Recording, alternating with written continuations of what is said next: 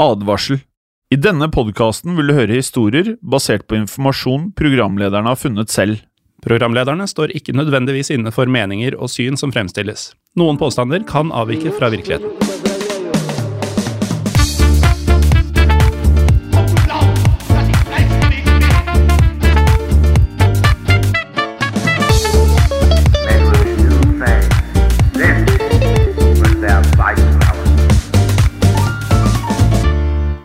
Og velkommen til eh, Historie på den andre verdenskrig. Mitt navn er også denne gang Jim Fosheim.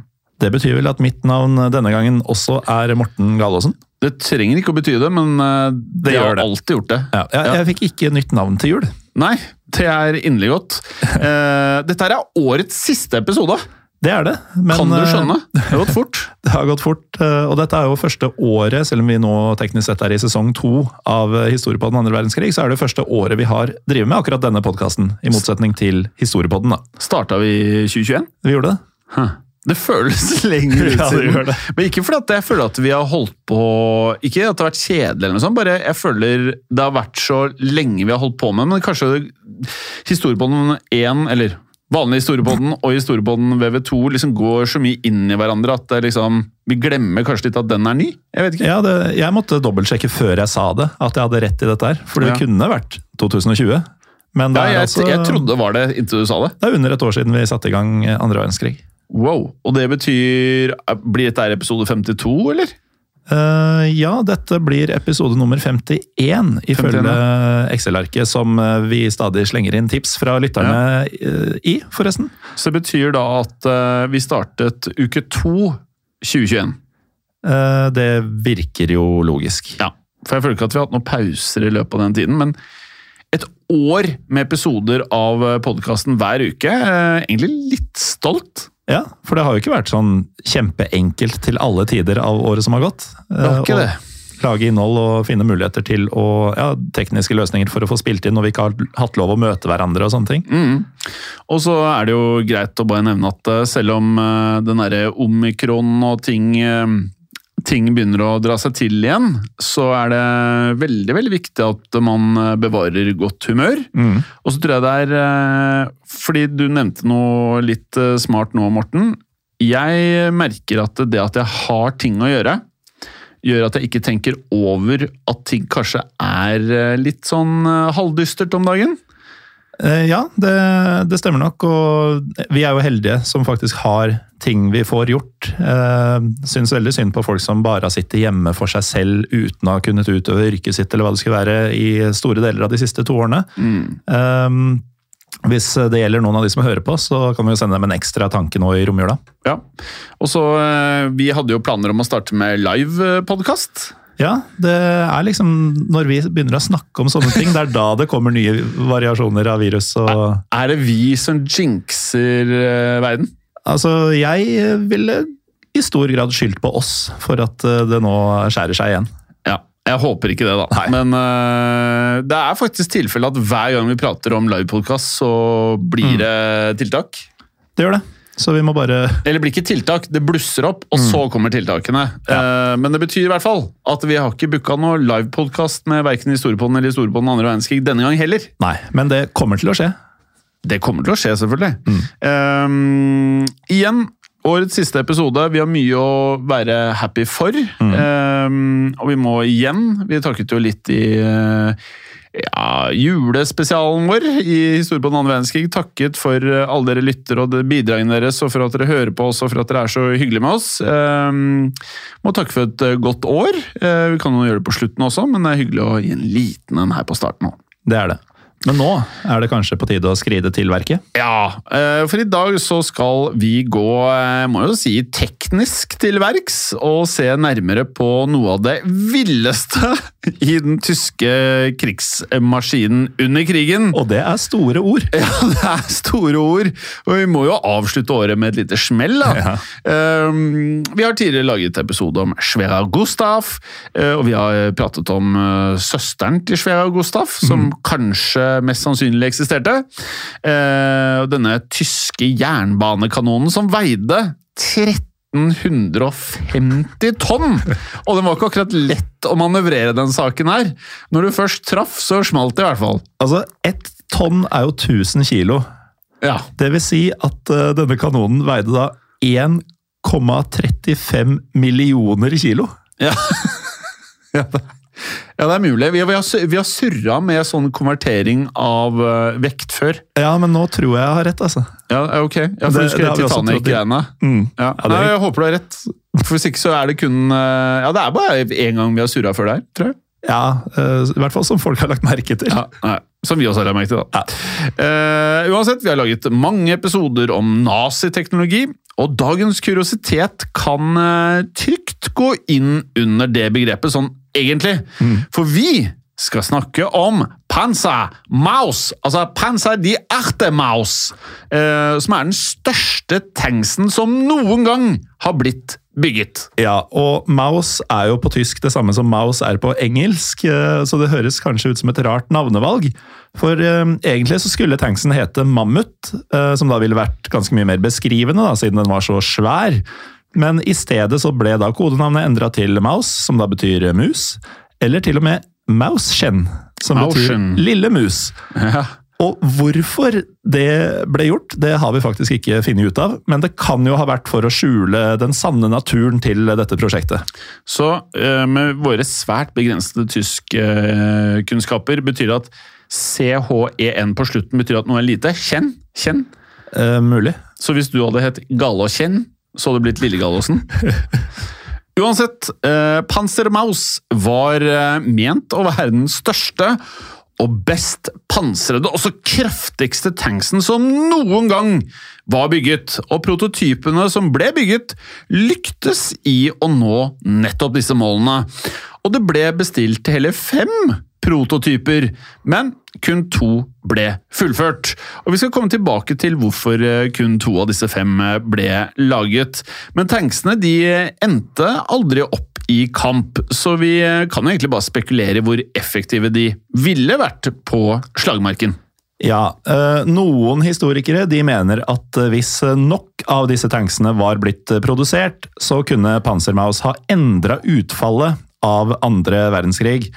Men andre mener at eh, selv hvis eh, Maus eh, stridsvogner hadde rulla over slagmarkene i Vest-Europa, så ville de ha blitt for hemmet av mangelen på mobilitet og rekkevidde, og derfor ville de antagelig ikke ha endra krigens gang noe særlig. Så det er sprikende meninger om dette her, da. Ja, Og så kan jo dere lyttere, etter å ha hørt denne episoden, her, komme med deres mening. For det er eh, voldsomme saker, dette her. Eh, ok, la oss eh, først nå legge en liten eh, bakgrunn for Panzermaus. Eh, I starten av krigen var tyskernes eh, tanks ekstremt viktige for deres fremrykning og også invasjoner. Altså denne blitzkrigen, som var hele strategien som gjorde at de klarte å eh, gå over store arealer med land, og der var tanksen helt, helt sentral, og da spesielt raske tanks, og også andre kjøretøy som da rullet frem i stor hastighet, etterfulgt av infanteri. Og denne svært effektive også, må jo kunne si nytenkende form for krigføring, den overrasket og også overmannet fienden til de grader, slik at da tyskerne brøt gjennom de aller fleste forsvarslinjer. Ja, og det ble da laget flere serier med tyske tanks, som eh, Panzerkampfwagen-serien og Panther.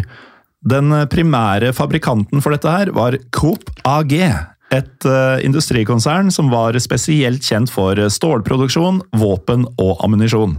Altså, Coop AG altså Det er umulig å ikke lage sterke ting med det navnet. Ja, og skal du lage eh, effektive panservogner, så er det jo greit at eh, firmaet er spesielt kjent for både stål, våpen og ammunisjon, for da får de gjort ganske mye av det du skal eh, på ett sted. I eh, andre halvdel av krigen så ble også de tyngre tanksene Tiger 1 og Tiger 2 satt i aksjon. Og en av dem som var involvert i design av tanks, det var den ikke ukjente Ferdinand Porsche. Det er helt riktig. Eh, Ferdinand Porsche er vel kanskje mest kjent for å ha gitt eh, navn til eh, bilfabrikanten Porsche, og for å ha da utviklet Volkswagen type 1. Og dette var jo da denne ikoniske folkevognen, også kjent som Bobla her hjemme i Norge. Folkevognen den ble lansert i 1938 på bestilling fra nemlig Adolf Hitler. Yes. Og fire år tidligere så hadde Hitler nemlig bedt Ferdinand Porsche om å utvikle og også produsere en bil for massene i Tyskland. Under andre verdenskrig derimot, så var herr Porsche opptatt med å designe og konstruere militære kjøretøy for nazistene.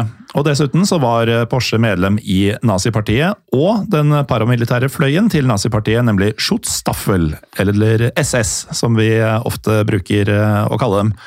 Um, Porsche han prøvde som mange andre å innynde seg hos Hitler ved å bevise sin dedikasjon og gjennomføringsevne. Og Hitler han skulle få god bruk for Porsches ekspertise innen uh, tankskonstruksjon. Ja, for i juni 1941, så, um, som veldig mange vet, så invaderte tyskerne Sovjetunionen i det vi har uh, hatt om i Er vanlig historie på den før? Jeg tror det. Ja. Det er uh, fort gjort å blande. Ja, det er fort gjort å blande. Jeg tror det er vanlig i storbåten. Operasjon Barbarossa. Og tyskernes blitzkrigsstrategi den var ekstremt vellykket, med brutale konsekvenser for lokalbefolkningen i Hviterussland, Ukraina og også andre av de østlige områdene. Men da de tyske troppene nærmet seg eh, russernes frontlinje, så skulle de få seg en overraskelse. Ja, for eh, Sovjetunionen de hadde sin egen tankstype, T-34, som viste seg å være en verdig motstander for tyskerne. Og Dermed begynte Hitler og hans designere å planlegge konstruksjonen av en enda større tankstype. Det starta med tidligere nevnte Tiger 1, deretter storebroren Tiger 2, eh, som veide nesten 70 tonn, dvs. Si like mye som eh, ca. ti voksne elefanter. Ja, det er litt. Eh, men selv ikke dette var godt nok. Altså, ti voksne elefanter, det ble ikke nok for tyskerne. Så da Tiger 2 ble tatt i bruk, så var eh, allerede krigen i ferd med å snu i de alliertes favør.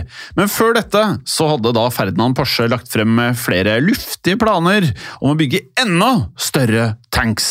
Og nazistene var jo tross alt eh, Må jo kunne si at de var besatt av å gjøre teknologiske gjennombrudd, som vi har pratet om mange ganger i denne podcasten her, samt å da bygge større og kraftigere militært eh, utstyr. Og Derfor så kom det ikke som noen overraskelse i det hele tatt at Hitler og hans militærkommando allerede hadde bestemt seg for å bygge alle stridsvogners mor. Og Pansermaus var da med andre ord et eh, logisk på mange måter, men også ganske upraktisk resultat av den generelle tankegangen til nazistene. Men det er også blitt eh, spekulert i om hvorvidt denne supertanksen egentlig var nødvendig, eller om Porsche bare prøvde å imponere Hitler da for å vinne hans gunst, som var veldig mange prominente nazister var veldig opptatt av. Ja, det har vi pratet ganske mye om. Eh, denne barnehagen av nazister som bare ville ha mer makt. Um, uansett, det spiller jo ikke så mye rolle hvorfor han gjorde det. Uh, for Hitler han eh, satte uansett en leveringsfrist han, for denne tanksen uh, våren 1943. Eh, og da ønsket han en fungerende prototyp. Og planene for Pansermaus viste at den ville bli dobbelt så stor som alle tanks som hadde fantes tidligere. Og vi snakker her om eh, en vanvittig vekt. 188 tonn! Og det tilsvarer, eh, etter hva vi kan forstå, 95 eksemplarer av eh, Norges mest solgte bil i 2021, nemlig Tesla Y. Altså 95 Teslaer Y ville blitt en liten Panzermaus. Ja. Og ideen bak dette da monsteret av en tanks eh, var at den skulle være umulig å ødelegge. Altså, den skulle rett og slett være en slags bevegelig bunker. Og Derfor var Maus eh, pansra med 200 mm herda stål, noe som eh, teoretisk sett i hvert fall gjorde den ugjennomtrengelig for de alliertes tankskanoner eller infanterivåpen.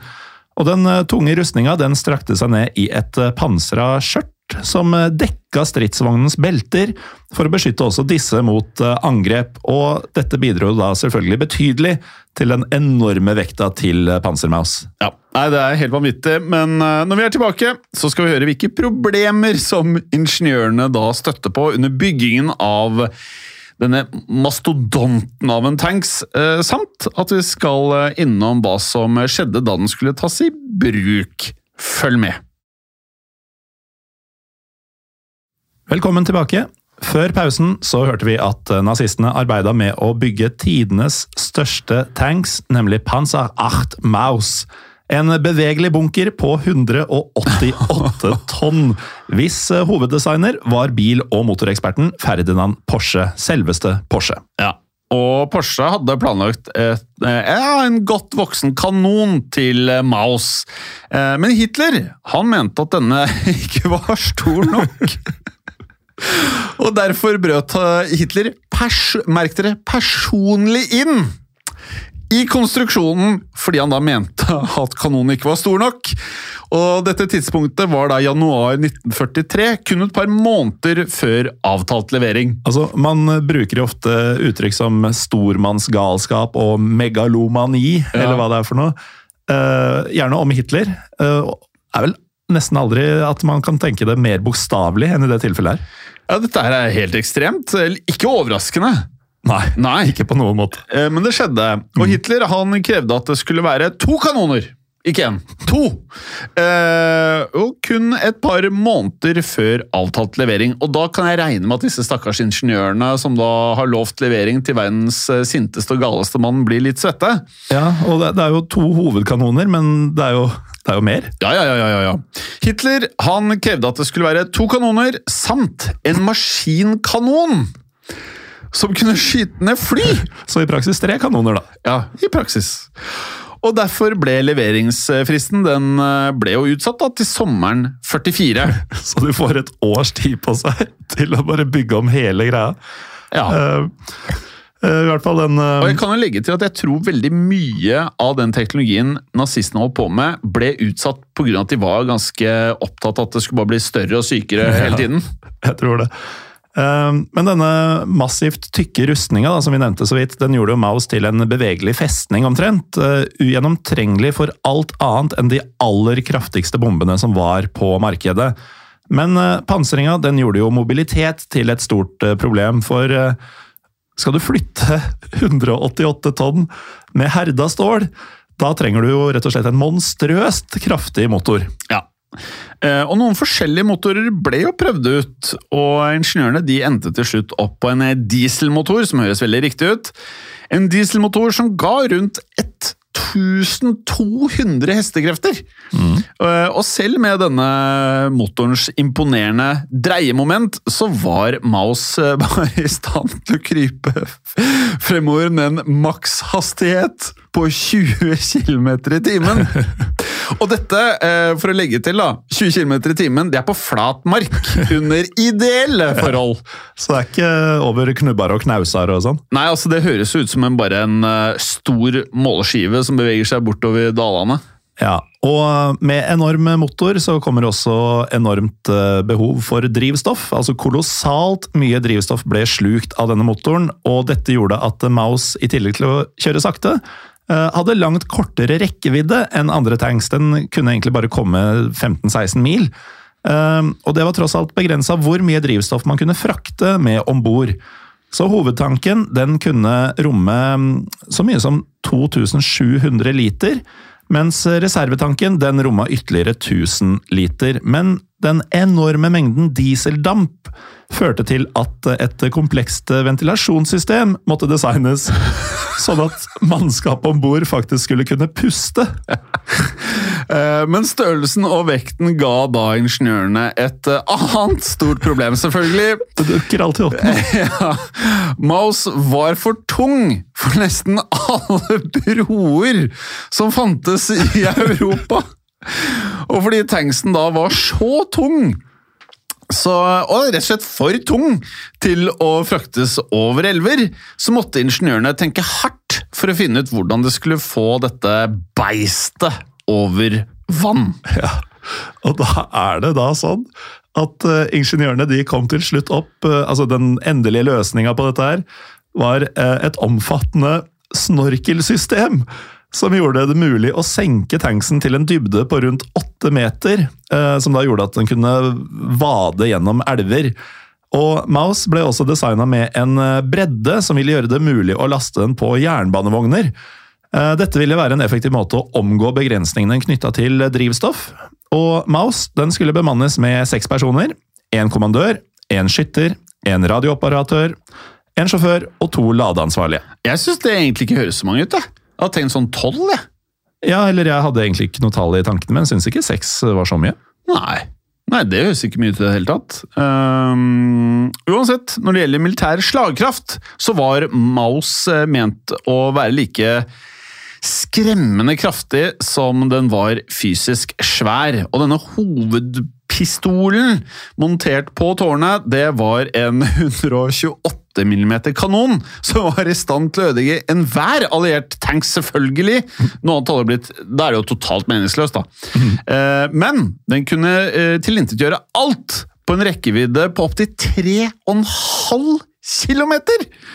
Og en sekundær tårnpistol, altså en 75 mm antitankpistol, skulle håndtere mindre pansrede kjøretøyer.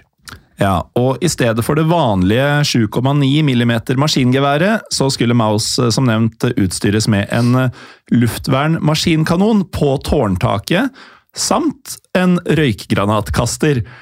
Så med dette arsenalet av våpen, så ville jo Maos uten tvil ha overvunnet enhver alliert eh, stridsvogn. Jo, det er greit, men eh, det går jo ikke fort dette her, da. Nei.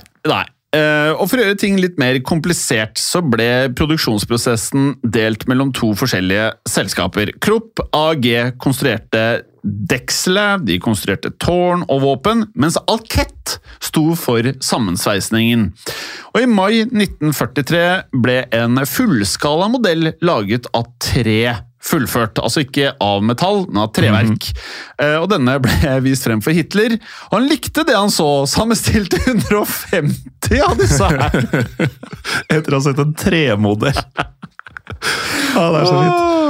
Eh, Den første prototypen, kjent som V1, sto til slutt klar i desember 1943. Det, det, er, det er veldig V1 føler jeg ikke er et bra navn, for da eh, blander jeg det med den der raketten. Ja, jeg også. Mm. Overraska over at det ble navnet. Eh, Men den klarte imidlertid eh, knapt å bevege seg, og nådde ikke engang Den var ikke i nærheten av å nå disse 20 km i timen som toppfart. Dens toppfart var på 13 km i Når Men vi går, hvor fort går vi da? Fem? Eh, Jeg vil tro sånn ja, fire, fem, seks, kanskje, hvis man går eh, Mm. Jeg tenker sånn ca. ti minutter per kilometer når jeg går i byen, i hvert fall. Så hvis vi hadde løpt, så har vi liksom klart å holde tritt eh, litt. Litt ja, tritt. ja, en liten stund, i hvert fall. Ja. Eh, kanskje litt trening først, for, litt- ja, eh, for oss, ja. for meg. Men for vanlige folk. Ja. Vanlige folk hadde klart å jogge tritt. Eh, og det ble da gjort eh, flere endringer og tester før den andre og siste prototypen ble levert i mars 1944, altså bare tre måneder etter den første. Og fram mot juli 1944 så satte fabrikken ytterligere fire prototyper i produksjon, men disse ble aldri fullført, og det skyldtes at eh, sovjethæren, altså Den røde armé, rykka stadig nærmere vestover. Ja, Men hvis du er da eh, Hitler, og du vet at liksom, du trenger våpen Kanskje man skulle jo tro bare få det ut! Ja, Få det ut i feltet! Um, og med det, Morten, så ble jo da produksjonen dens den ble stanset. Og Maus ble ansett som altfor upraktisk og som sløsing med ressurser i denne fasen av krigen. Forståelig nok. ja. Og selv om Hitler i utgangspunktet hadde ønsket seg da 150 Maus-tanks, så endte han altså opp med å kansellere hele ordren.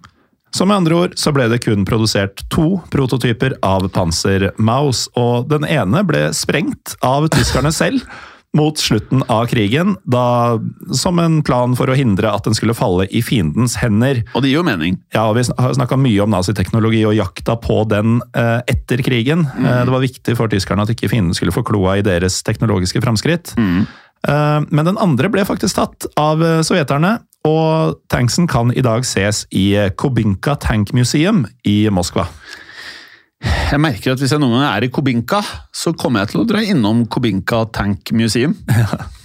Hadde jeg visst at det var i Moskva, så hadde jeg gått innom der når jeg var der. Ja, det er mm, grunnen til å dra tilbake. da. Jeg har jo ikke vært der, så vi kan ta en tur eh, når eh, Ja. ting blir bedre. Ja. Eh, og selv om Maus aldri ble brukt i kamp, er dens svakheter velkjente. Eh, tyskernes egne tester avslørte at tanksen var sårbar for angrep også. Og det var jo det den absolutt ikke skulle være. Ja. Eh, og av alle ventilasjonshullene og de eksponerte dieseltankene på baksiden. Eh, og det skjønner vi jo. Det, her høres ikke, det, det går jo imot hensikten med hele maskinen. Ja, ja. Eh, Det ble dessuten registrert en lang rekke med tekniske problemer, og det kan man jo også forestille seg. Og det er derfor lite trolig, ut ifra den informasjonen vi sitter med, Galåsen, at vi støtter oss eh, til den fraksjonen av mennesker som mener at eh, Panzer Acht Maus hadde endret eh, krigen i noen stor grad. Hadde de produsert disse 150 som Hitler ville ha. Ja, nei, jeg ser ikke helt hva, hva den skulle bidratt med sånn Det bare virket ekstremt dyrt. Vanskelig å lage, tok jækla lang tid å få på plass, og funka ikke så veldig bra heller. Nei, og da blir det mye morsommere for oss å snakke om det. Ja, det, her er jo Men eh, det at det, de nazistene prøvde på så mye forskjellige varianter, gjorde at de av og til kom over ting som var ekstremt bra, selvfølgelig. Så vi, mye av dette må vi jo le av, men mye av det var jo teknologi som den dag i dag faktisk fortsatt er i bruk. Ja, og så er det jo gøy og fascinerende at ambisjonsnivået lå der det gjorde. da. Vi snakker tross alt om eh, et eh, land på 40-tallet med datidens teknologi, som er hardt pressa fra alle kanter, og for all del utøver hardt press mot alle kanter også. Ja.